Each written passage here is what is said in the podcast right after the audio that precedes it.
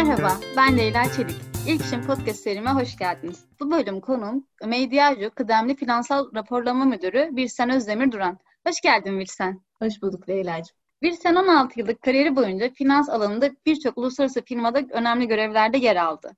Kariyer hikayesine başlamadan önce biz senden üniversite yıllarını dinlemek istiyorum. Biz sen nasıl geçti üniversite yılların?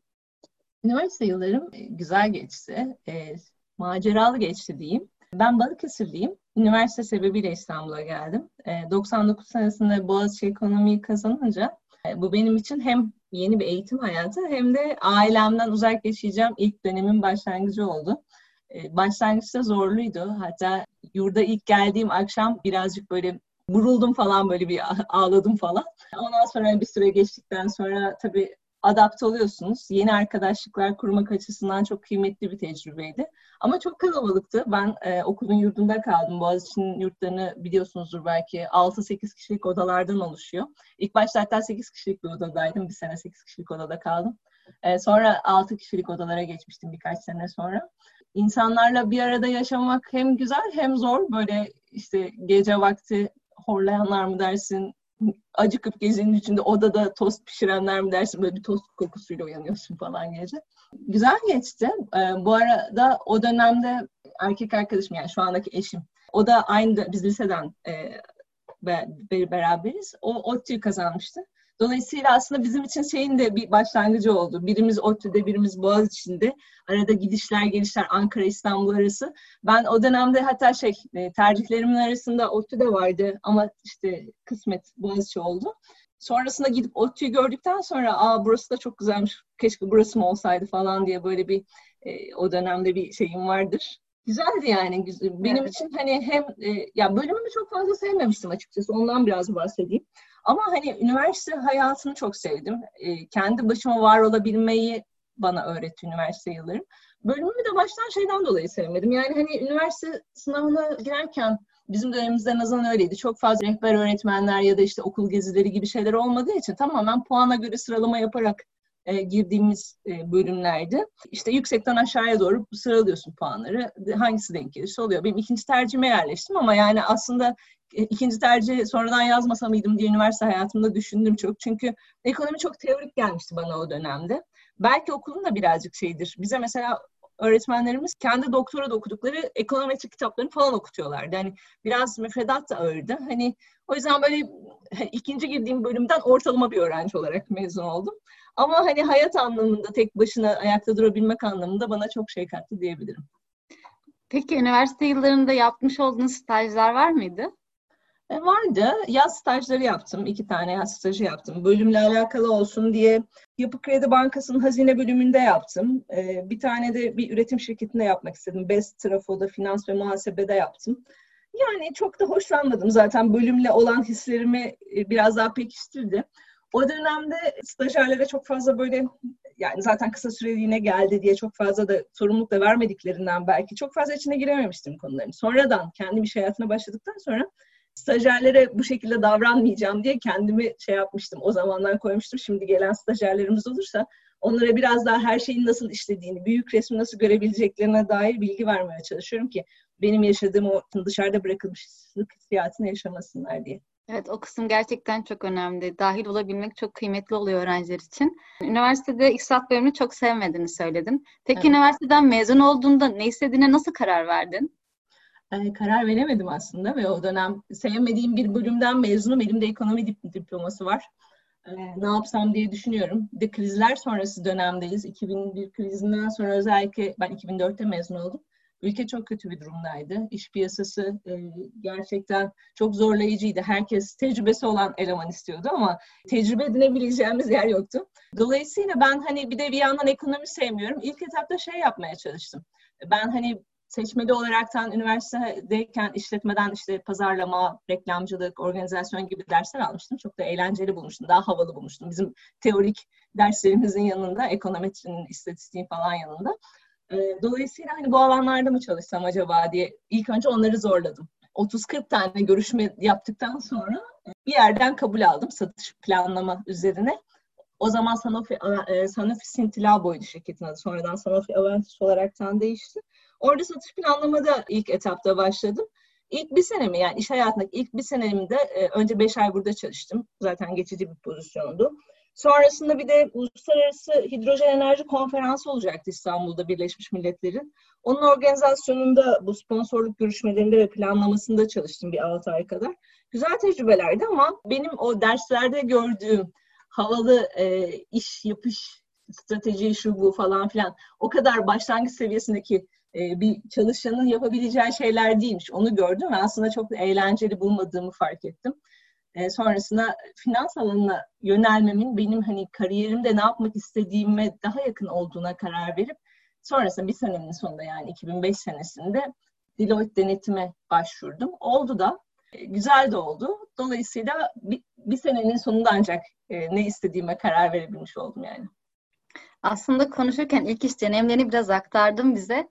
Ee, ama şey çok ilginç. Bugünkü dönemde de hala işte üniversiteden yeni mezun olan gençler iş arayışında benzer problemleri, hissiyatları yaşıyor senin gibi. Değil Senin mi? o dönem iş başvuru süreçleri nasıl oldu? Mülakatların nasıl geçti? Belirsiz bir iş dünyası, belirsiz bir dünya içerisinde sen nasıl konumlandırdın kendini? Oldukça ürkütücüydü o dönemler. E, mezun olmama yakın zamanlarda iş başvurularına başlamam gerektiğin için araştırmaya başladım neler yapabilirim gibisinden. O dönemde bu kariyer siteleri, online kariyer siteleri de yeni yeni aktif olmaya başlamıştı. Secret CV biraz daha işte e, şey gidiyordu, e, parlayan yıldızı, yeni bir iş vardı. Kariyer.net yeni yeni böyle parlıyordu. Oralardan başvurular yapıyordum ama bir yandan da hala şeyde devam ediyordu. Bu pazar günleri gazetelerin işte insan ekleri falan, hürriyetindi galiba yanlış hatırlamıyorsam. Onlardan böyle şey tarardık e, küçük küçük ilanlardan işte şu kadar tecrübeli bilmem ne sürekli işte kendimize uydurabilecek bir şeyler arardık. Sonra gidip onlara başvuru yapmaya çalışıyorduk. Bir de şöyle enteresan bir şey vardı. O dönemde şimdikine kıyasla her şirket e, kariyer.net'ten bile başvursan başvuru kendi sitesinde e, yapmanı, tekrarlatmanı istiyordu. Yani kariyer.net oraya yönlendiriyordu. Dolayısıyla oralarda böyle her şirketin sayfalarca formu vardı yani. Her şirket 10 sayfa CV doldurmanı istiyordu korkunç bir zaman harcamıştım o dönemde bunlara ve hani bir yerden sonra umutsuzluğa kapılmıştım. Galiba olmayacak bu kadar başvuruyorum falan diye. İşte o dönem hatta işte moral bozukluğundan dolayı ailemle konuşurken ailem şey demişti. Yani çocuğum tamam hemen iş bulamayabilirsin. İstersen gel biraz Balıkesir'de otur sonrasında bulursun falan filan. Allah'tan öyle bir mecburiyetim olmadı. Buldum e, bir süre sonra ama gerçekten zorluydu. Orada yani moral bozmamak elde değil. Yani kötü bir tecrübeydi iş hayatına başlamak benim için. İlk mülakatı nasıl geçmişti? İlk mülakatımda çok heyecanlıydım. Çünkü zaten şeyim yani doğru düzgün hiçbir tecrübesi olmayan üniversitede hani staj yapmışım ama stajlarda da çok da bir sorumluluk vermemişler işte. Oralarda birkaç rapor kurcalamışım, azıcık fotokopi çekmişim falan. Dolayısıyla çok heyecanlıyım. Böyle çok kendine güvenli bir insan da değilim o dönem. Çok gergindim böyle ellerim terliyordu falan. Bir şeyler sorulunca yanlış bir şey cevap vereceğim diye içimden tekrarlıyordum böyle işte şunu diyeceğim, bunu sorarlarsa bunu diyeceğim falan diye bir bankanın e, marketing departmanıyla MT olarak görüşmüştüm. E, sonra hani ilk aşamayı falan geçmiştim ama sonrasında grup mülakatına zannederim dediler. Böyle biraz daha güçlü duran, biraz daha ne istediğini bilen profillerin e, yanında e, ben biraz şey kaldım, elendim yani. Tabii deneyimsiz olmak heyecanlı beraberinde getiriyor böyle. Evet. Ee, ilk iş günleriniz nasıl geçti? Tabii ki sonrasında iş buldunuz e, mülakatlardan sonra evet. mutlaka. Nasıl geçti onlar? İlk iş günleri. Ee, yani güzel geçti ilk iş günlerim. Ben hani böyle biraz daha bu işte reklamlarda anlatılan iş dünyası vardır ya hani dans ederek gelen insanlar herkes böyle gücür gücür şey takım elbiseli falan filan ve hani şey çok corporate sohbetler yapılan ortamlar öyle değilmiş. Normal insanlar senin benim gibi insanlar e, ve çok da sıcak karşıladılar. Hani acaba şimdi stajda kötü tecrübeler yaşayınca iş hayatında da insan acaba yine dışlanacağım mı, uzak mı duracaklar falan gibisinden endişeler oluyor. Oysa ki e, sağ olsunlar o dönemki ilk iş arkadaşlarım, e, bu bahsettiğim Sanofi'deki satış planlamadaki iş arkadaşlarım e, çok sıcak karşılamışlardı. İşte oryantasyon yapmıştık. E, departmanın müdürü de benimle e, görüşme yapmıştı. Bunlar benim için çok önemliydi işte. Yemek kartımı verdiler. Bak işte kahve çay burada falan gibi gösterdiler. İlk gün hatta götürdüler işte bak şurada yemek yiyeceğiz, servis burada falan. E, çok mutlu olmuştum. Ha, tamam şey e, o kadar da korkunç değilmiş diye rahatlamıştım. İlk katıldığın önemli toplantıda neler yapmıştın hatırlıyor musun? İlk büyük bir e, buluşma vardı. Onu hatırlıyorum. Ben de yer etmiş. Dediler ki şirketin işte yıl sonu hedeflerinin hem değerlendirme toplantısı hem de işte ufak bir eğlence falan. Nereye gidiyoruz? Antalya'ya gidiyoruz. Aa tamam süper. Yani benim için o sırada inanılmaz gelen bir şey. Gittik oraya. E, ben hala şey zannediyorum böyle işte sınıf gibi toplantı odası gibi bir ortamda. Meğerse bir otelin balo salonundaymış falan böyle. İşte gündüz toplantılar yapıldı. Akşama sahneye Tarkan çıktı, Nilkara İbrahimgil çıktı ve yani çok yakın mesafeden görebileceğimiz e, bir şeyde e, görme imkanı bulduk falan böyle. Şeye çok şaşırmıştım böyle gündüz ciddi ciddi takım elbiseli toplantıda bulunan insanlar akşam böyle konserde eğleniyor, coşuyor olması aa işte bunlar çok ciddi iş adamları, iş kadınları gibi görünüyor. Demek ki eğlenebiliyorlar falan. Hani kafamda çok ciddi böyle ön yargılar, prototipler varmış. Onları sarsan bir toplantı olmuştu. Evet tam dediğiniz gibi iş hayatı biraz bir ciddi ve takım elbise gibi görünürken böyle şeyler inanılmaz keyifli geliyor. Evet. Peki iş hayatınızın ilk yıllarında hiç unutamadığınız böyle komik, eğlenceli anılarınız var mı? Şeyden bahsedebilirim biraz. Ben şimdi bu bahsettiğim ilk bir senelik satış organizasyon şubudan sonra bahsettiğim e, denetime geçtikten sonra uzun süre denetimde çalıştım. Benim için ikinci bir okul gibiydi çok inanılmaz korkunç yoğun çalışıyorduk ama inanılmaz çok şey öğrendim. Dolayısıyla e, o yıllarıma minnettarım. O dönemki arkadaşlarımla da üniversite arkadaşlarım gibi hani sanki ikinci bir üniversite okumuş gibi bir e, şeyde ruh haliyle görüşüyoruz hala. Denetim hayatında çok farklı ekiplerle sürekli farklı farklı e, denetim fiyatlarına gittiğimiz için bir sürü değişik hatıramız var. Birkaç tane bahsedeyim. Mesela daha ilk başladığımın birinci senesinde ben çok junior'ım o dönem. Her şeye beni gönderiyorlar. O yüzden bir şeyler isteme. Yok işte git mizan al gel, git işte hesap detayı al gel, şunu al gel, bunu al gel falan filan diye. Ama gittiğim müşteri de böyle hani çok e, eski kafalı bir muhasebe çalışanı bir beyefendi. Adam da bizimle işbirliği yapmak istemiyor bir sebepten. Çok fazla şey yapma yani herhalde ilave iş yükü çıkartıyoruz diye çok hoşlanmadı bizden. Gidiyorum geliyorum istiyorum diyor işte şu anda yoğunum çok fena işlerim var sonra gel. Sonra sonra gidiyorum gene gönderiyor beni. Sonra bir, bir, bir sonraki tekrar gittim bir baktım Arka planda meğerse adamın bir pencere var. Oradan ekranı yansıyor. Bir baktım ne yapıyor diye. Bu soliter vardı hatırlıyor musunuz? Siz belki yetişmemişsinizdir dönem olarak. Ekranda hani kart açma şeysi oyunu. Açmış evet. kar, kart açma oyunu soliteri.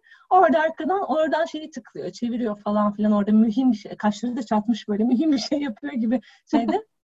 Ekranı gösterdim böyle yani işte dedim hani şu anda bu mu dedim hani önemli işlediğiniz falan böyle bir şey de diyemedi. Bozuldu böyle bir rengi böyle bordo olmuş. Ondan sonra şey tam sen git getireceğim dedi. Sonrasında işte toplamış getirmiş kaç gündür istediğimiz şeyleri. Öyle bir şeydi. Ben hani bayağı bir sonrasında şey yapmıştım yani bunu gülerek hatırladığımız bir detaydı. Mesaiyle çalışan insanlar vardı eskiden artık hani iş dünyası öyle değil ama hani zamanımı doldurayım şu kadar saatte bu kadar saat arasında çalışayım diye.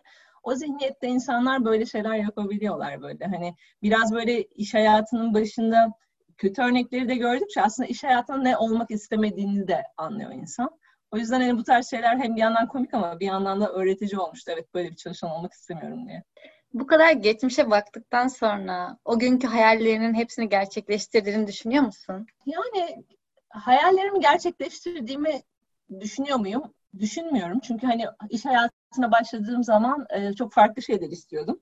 Ama iyi ki de gerçekleştirmemişim diyorum. Hani hayaller böyle biraz da zaman içerisinde değişen de bir şey. Yani hayattan beklentiler düzenli olarak değişiyor aslında. O yüzden hani illa da olsun diye satışa pazarlamaya ısrar etseydim belki şu anda bulunduğum pozisyonda, meslekte, e, şirkette olmayacaktım. Ve ben hani şu anda gerçekten e, mutlu olduğum bir iş yapıyorum. Mutlu olduğum iş arkadaşlarım var. Hani e, nazar değmesin diyeyim. E, gerçekten hani şu andaki kendimi konumlandırmamdan e, memnunum. O yüzden ilk işte satışta pazarlamada ısrar etmemişim e, diyorum. İyi bir finansçı olmaya gayret ediyorum ve hani bunu sağlayan aslında baştaki olmayan hayallerimdi benim için. O yüzden hani birazcık e, şartlar değişiyor. Bazen sizin elinizde olmayan sebeplerden değişiyor. O şartlara hemen hızlıca eklemlenip değişime adapte olabildiğiniz ölçüde başarılı oluyorsunuz hayatta. O yüzden hani hayallerim olmadı deyip hayal kırıklığına uğramak yerine biraz daha şu, tamam evet şu oldu. Ben bu koşullarda ne yapabilirimi aramaya başlamak lazım. Ne güzel. Ee, peki gençlerin ilham alabilecekleri bir kitap, bir müzik albümü, bir de film tavsiyen olur mu? Yani hani biraz bu tarz şeyler klişe oluyor ama hani e, olur söyleyeyim. Ama hani böyle ben şey söylemeyeceğim. Kişisel gelişim kitabı falan söylemeyeceğim. Çünkü zaten herkes kendi ilgisini ne çekiyorsa o alanda kendisini geliştirecektir. Dolayısıyla hap gibi böyle bunların kısa bir yolu yok. Ben bilim kurgudan çok hoşlanıyorum. Ben çok hoşlanmıştım. Androidler elektrikli koyun düşler mi e, kitabını. E, bu kitabı okudum ama bir yerden de hikaye tanıdık geliyor Allah Allah falan diye. Meğerse ben önce filmini izlemiş sonra kitabını okumuşum. Blade Runner vardı ya birkaç sene önce yani eskiden zaten çekilmiş ama yenisi çekilmişti sonradan. Meğerse onun e, ilham alındığı kitapmış bu. Post apokaliptik bir dünyada geçiyor. Böyle bir işte radyoaktif serpinti olmuş. Dünya işte e, tozla kaplanmış falan.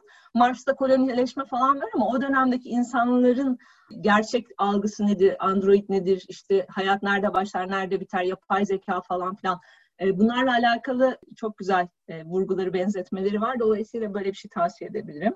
Film olarak da eşimle ben işten kalan zamanlarımızda elimizden geldiğince gezmeye çalışıyoruz ve dolayısıyla yol hikayelerini çok seviyorum ben. Fatih Akın'ın İmyülisini tavsiye edeceğim. Ve şey şöyle de bir güzel şeyi var, e, detay var bence o filmde. E, spoiler gibi olmasın zaten herkes izlemiştir kaç senelik film. Yola çıkarken aslında bambaşka bir hayalle yola çıkıyor filmin kahramanı. Ama hikaye ilerledikçe aslında istediğinin o baştaki hayaller olmadığını ve bambaşka bir gerçeklikte çok daha mutlu olabileceğini görüyor. O yüzden benim için önemlidir ve çok güzel bir yol hikayesi olduğu için de tavsiye edebilirim. Biraz senin evet, hikayene de benziyor. İçselleştirmiş olabilirim. e, albüm olarak da şey söyleyebilirim. Yani ben aslında kendimi şöyle tanımlıyorum. Jack of all, master of none diye. Yani hani her şeyden biraz biraz müzik için de öyle. Her şeyden biraz biraz e, dinlemeyi seviyorum. Dolayısıyla hani direkt şu alanda bir şey tavsiye edebilirimden ziyade ben arkadaşlara şey tavsiye edebilirim. Çalışırken arka planda dinlemekten hoşlandığım bir albüm tavsiye edebilirim. Bu şey dizisi vardı Battlestar Galactica hatırlarsınız. Benim çok sevdiğim bir dizidir. E, onun soundtrack'ini yapan e, bir McCreary'nin bu soundtrack'i gerçekten başarılı. Arkada hani böyle yükselen e, orkestra enstrümanlarıyla insanı böyle çok e, uyanık, e, motive tutuyor. O yüzden bunu tavsiye ediyorum. Keyifli sohbetiniz için çok teşekkürler. Bizi Medyacı sosyal medya hesaplarından da takip edebilir, soru, öneri ve yorumlarınızı paylaşabilirsiniz.